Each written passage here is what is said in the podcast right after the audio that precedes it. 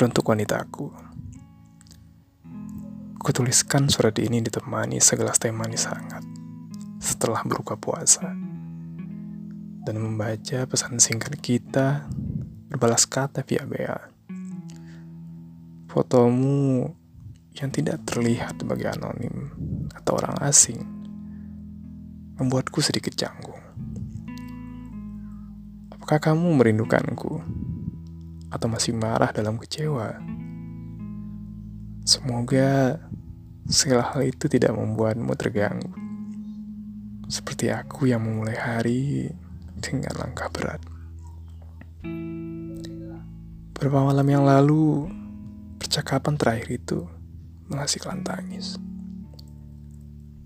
Membuat emosi naik turun. Amarahmu memuncak karena sikapku yang memang begitu mengecewakan. Masih tidak begitu dewasa untuk mengakhiri segala perjuangan yang telah kita jalani bertahun-tahun ini.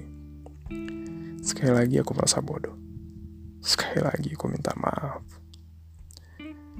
Namun, ada kesedihan yang juga melanda aku setelah sisa malam. Hingga mata tidak bisa tertutup meski coba dipaksakan.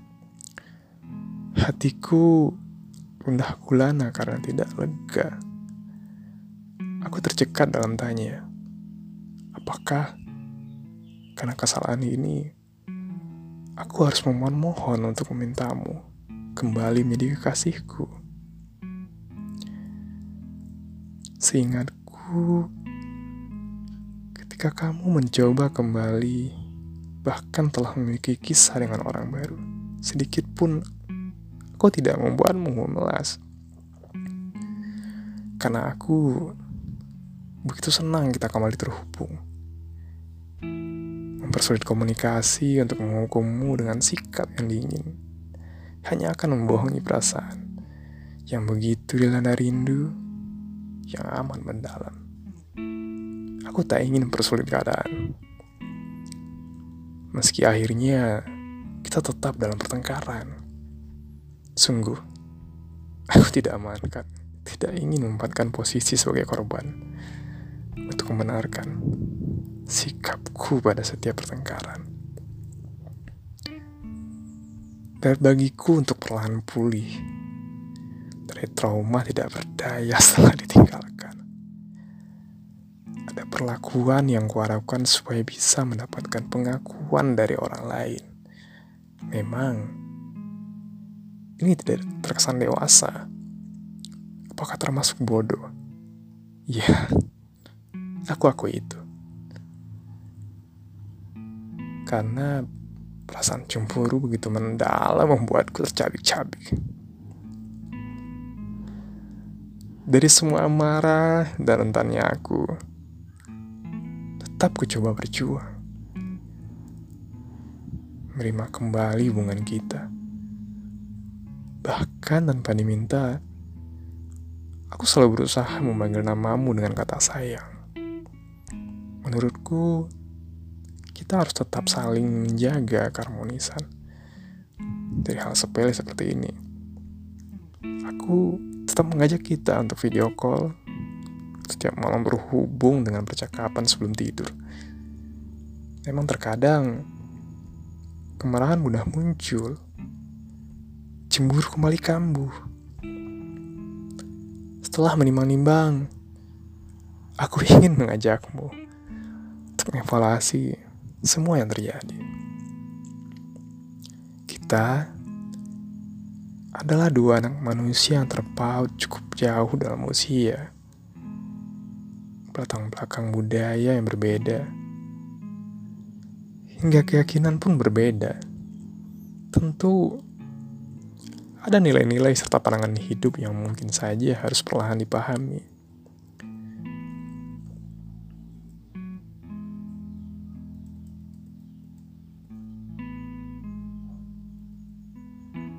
Kita harus kembali mengenal.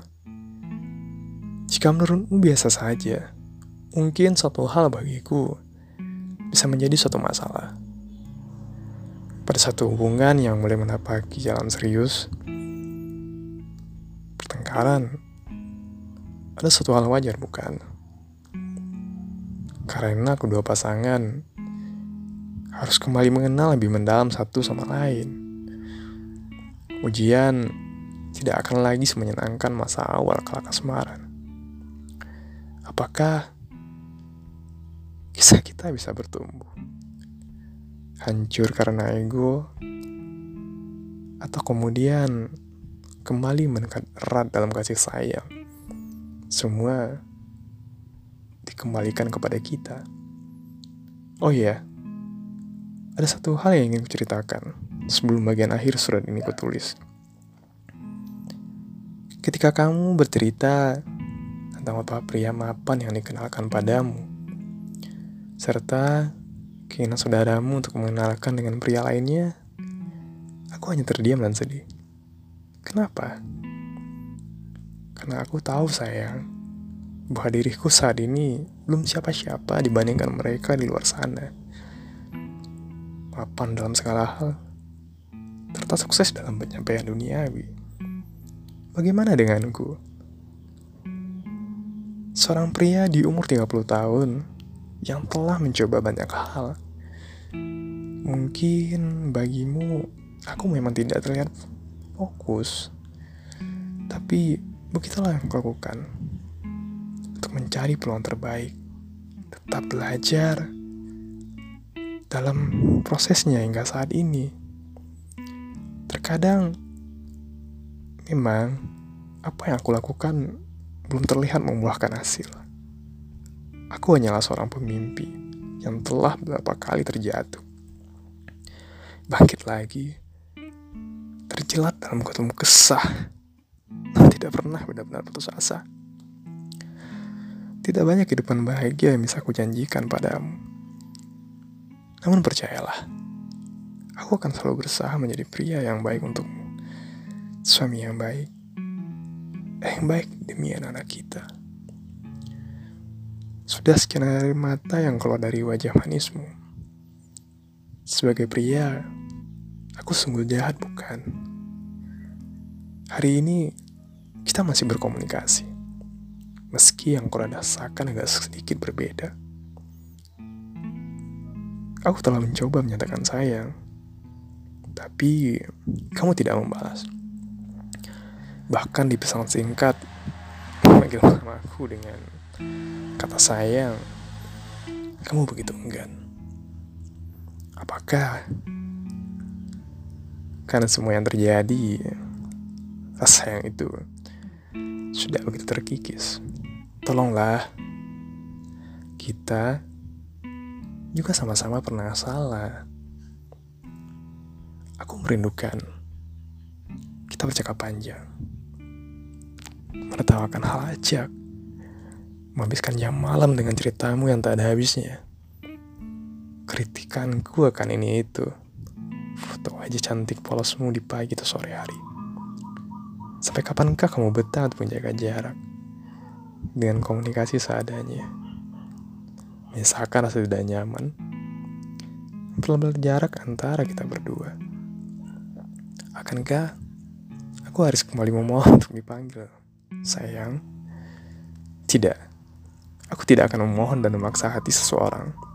Karena itu sudah di luar kendaliku. Jika kamu memang betah untuk bertahan pada komunikasi saat ini, aku hanya berserah. Menurutku, kita sudah cukup dewasa untuk tidak membuat hubungan menjadi rumit lebih lama.